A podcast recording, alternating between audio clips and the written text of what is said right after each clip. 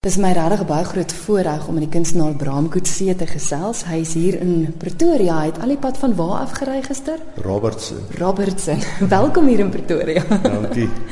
Jy stel nou uit hier by die Tina Skookan Galery. Dis nou Vrydagmiddag soos ons nou gesels en jy open nou die 2de Februarie open die uitstalling. Dis eintlik 'n verskriklike en intense emosionele persoonlike uitstalling is dit reg? Dis heeltemal reg en dit was ook my doel om dit so te doen. Die die titel is nostalgiese herinnering en soos ek deurloop en al die skilderye kyk dan kan mens sien ek neem aan jy het op 'n plaas groot geword. Ek het op 'n plaas groot geword. Klein tyd elke vakansie by my ouma en oupa op die plaas gekuier terwyl my ander twee broers het eerder verkies om saam met die ouers see toe te gaan. So dit was vir my baie lekker op die plaas. Al die ervarings en opwinding van die plaaslewe het my altyd aangetrek. En uh, ek dink dis hoekom ek so 'n begeerte gehad het om daai nostalgie vas te vang in die skilderye. Ek dink ek het in die persvrystelling gelees, mens moenie vir jou skildery kom staan in hierdie diep filosofiese betekenis daar agter sien nie. Dis net dis dis dis so eenvoudig en dit en dit bring soveel herinneringe self vir my wat daarna kyk terug. Ja. Dis die hele doel van hierdie reekswerke is dit is daar om te geniet.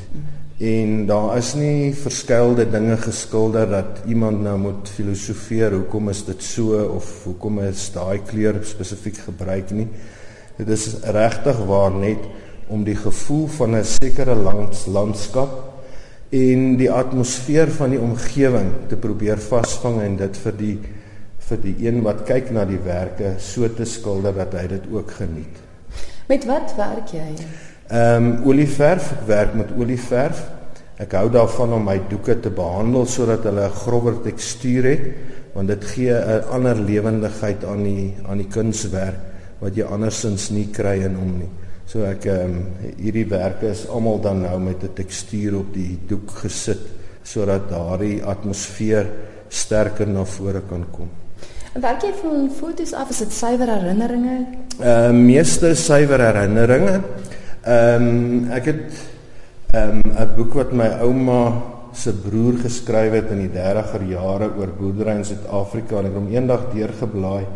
Toe sien ek hierdie ongelooflike foto's, was klein swart en wit fotootjies van hoe daar geboer is in die 30er jare en die implemente wat hulle gebruik het. En ek het besluit maar dis wat ek dis wat ek wil skilder want die goed praat met my en ek het toe die tema daar uit ontwikkel sodat mense hierdie werke kan sien. Mense gebruik referensiemateriaal um, om regtig te kyk hoe lyk 'n perd, maar dis net om om die perd te sien. Die ander agtergronde, die kleure is alles emosioneel, soos soos jy dit belewe en daardeur werk kry jy daai gevoel emosioneel. Fotos verkies swart en wit sodat ek nie gekondisioneer is deur kleur nie. Maar ek ek moet sê jou kleurgebruik, ek staan en kyk nou na hierdie een wat half soort van dit lyk van bo af met ongelooflikste groene en gele wat jy gebruik het. Ehm um, daai spesifieke werk is daar in ehm um, van Reinsdorp as jy die pas afkom en jy kyk so oor die hele van Reinsdorp vallei en ehm um, ek het ek het ek het ehm um, as jy daar afkom sekere tye van die dag is daar nogal 'n misnevel en dan kan jy hierdie ehm um, sonskyn kolle so sien val op die landskap en ek het gevoel om sterker ehm um, emosie daarin te sit om dit liewer oor te beklemtoon en verander te wys daai dorre droë landskap hoe ongelooflik mooi hy kan lyk. Waarom is jy nog altyd kunstenaar?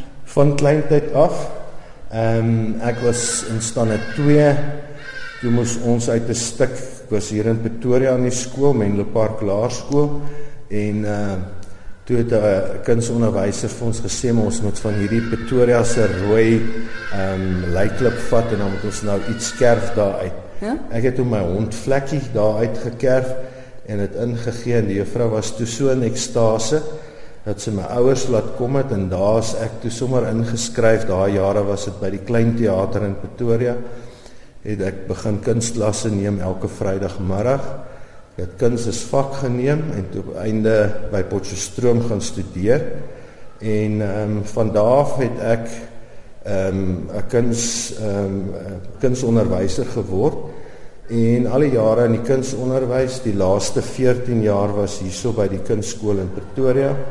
En toe het ek besluit ek wil vroeër uit die onderwys tree en het ek uh, verhuis na Robertson om hierdie talent en gawe van my daar in die rustigheid en die mooiheid van ons vallei verder te kan uitleef. So alles het met 'n vlekkie begin. Alles het met vlekkie begin, ja.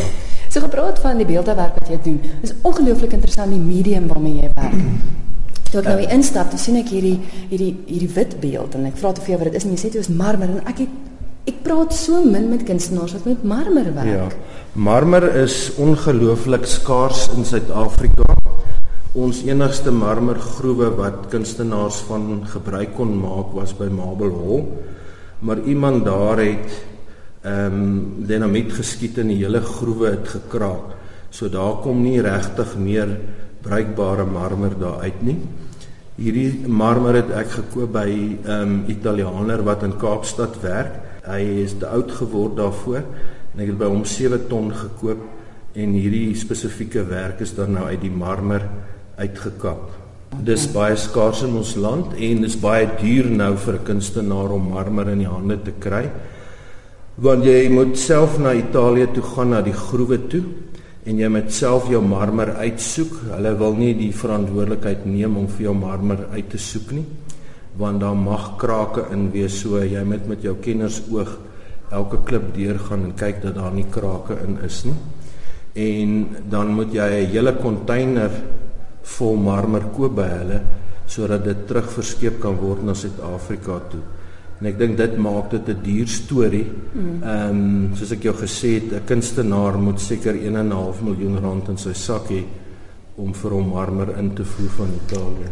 Is dit moeilik om met marmer te werk want dit is seker hard? Marmer is baie hard, maar ehm um, dis soos met enige houtwerker sal ek vir jou sê as jy die regte gereedskap gebruik dan is dit werkbaar. So jy kan met hom werk met die regte gereedskap. En dan die ander waarmee jy werk is so grys klip en jy het gesê dit is wonderklip. Wonderklip, Engels Wonderstone. Wonderstone kom van gestopte fontein by Ottesdal. Dis die enigste plek in die wêreld waar hierdie ehm um, klip bo die aardoppervlakte uitgestoot het. Daar kon nog nie vasgestel word wat dit regtig presies is nie. Dis hoekom dit nou kommersieel net bekend staan as Wonderstone. Die klip het baie gebruike. Die heel ou mense het grafstene gekerf uit hom uit. Later het die beers dit gebruik om hulle nywerheidsdiamante um, te maak met die klip. Hulle het 'n gat geboor en koolstof ingesit om weer toegemaak en dan het hulle hom onder drukkende hitte gebak en dan vorm dit die nywerheidsdiamantjies binne-in wat hulle gebruik het vir hulle boorpunte. Nou later van tyd het daardie ehm um, eksplorasie van hulle begin afneem en is die groewe verkoop. Daar was al verskeie eienaars wat hierdie groewe besit het. Ek verneem tans is die eienaar uh, die eienaars daar is van Australië en hulle het onder andere nou gevind dat die stof van hierdie klip uiters geskik is om dakverf van te maak en dit word dan met 'n dakverf mengsel gemeng daar by hulle en hulle ehm um, verf die dakke by hulle en hulle sê dat die temperatuur binne in die geboue dan met 50% afgeneem het met hierdie spesifieke werk. Ja. Die die klip word verder gebruik om ehm um, alle ruimtetye wat weer die atmosfeer moet terugkom mee te teel want hy kan glad nie uitbrand nie omdat hy 'n koolstof het nie. So hulle is almal geteel met Ottesdal se Wonderstone. Die klip word gebruik in kernkrag aanlegte. Isolators en nozzles en branders word van hierdie klip gemaak want hy kan nie uitbrand of vergaan nie. En ehm um, dit is uiters geskik vir ehm um, vir daardie mense dan ook om So met ander woorde as mens een van jou beelde koop, dan gaan hy hou vir altyd en altyd. Altyd en altyd. Hierdie klip kan nie verbrand nie. Enige ander beeldhou werk sê net maar jy het 'n brand in jou huis, gaan gaan die brons kan self smelt. Ander materiale gaan uitbrand, maar die klip gaan jy altyd uit jou huis uithaal. Omdat hy nie krake of groewe het nie, is dit uiters geskik vir tuinbeelde want hy kan die uiterste klimaat ehm um, kan hy hanteer. Dit kan kokend warm buite wees en skielike yskoue albei kry dan gaan die klip dit kan hanteer. Anders as die marmer, want Anders, jy het my gesê die marmer kraak. Ander ja. marmer kan kraak. Ehm um, veral by ons temperature hier in Suid-Afrika, dit word ontsettend warm, die beelde bak in die son en dan skielik kry ons 'n um, koue reënby of 'n hailby op hulle en dit maak met die jare dat hy begin kraak as gevolg van die krimping en uitsetting. Hoorie maar die wonderklip wat nou so 'n wonder is. is dit moeilik om dit te werk? Ehm um, hy is makliker as as marmer. Ehm um, hy's baie makliker om mee te werk. Ehm um, so ek sal sê ja, hy's meer geskik vir beeldhou as wat marmer is. En as mens kyk na na dit wat jy uitbeeld met jou beelde, ook die die nostalgiese Ja, jy sal sien dat die beelde is baie blokkig. Die klip word gekoop per kilogram by die groewe. Mm -hmm. So um, daar's geen rede om nou 'n 'n klip te koop en als weg te kappel. jy moet niks sit nie. So elke beeldjie pas presies in sy vierkantige blokkie in om dan nou so produktief en ekonomies moontlik 'n beeldhou werk uit om uit te kry. Is hoofsaaklik figure, is dit mense uit jou verlede? Ehm um, figure, mense is baie interessant. As mens mense dophou, het elke mens nogal iets snaaks aan hom. Ehm um, en ek ek ek is altyd nog gefassineer met 'n bietjie humor. En dis hoekom al hierdie beelde het so 'n stukkie humor in hom. Daai een se naam is Groot Plons. Kan jy dink 'n syne swembad is Nou glo ek al die water sal uitwees.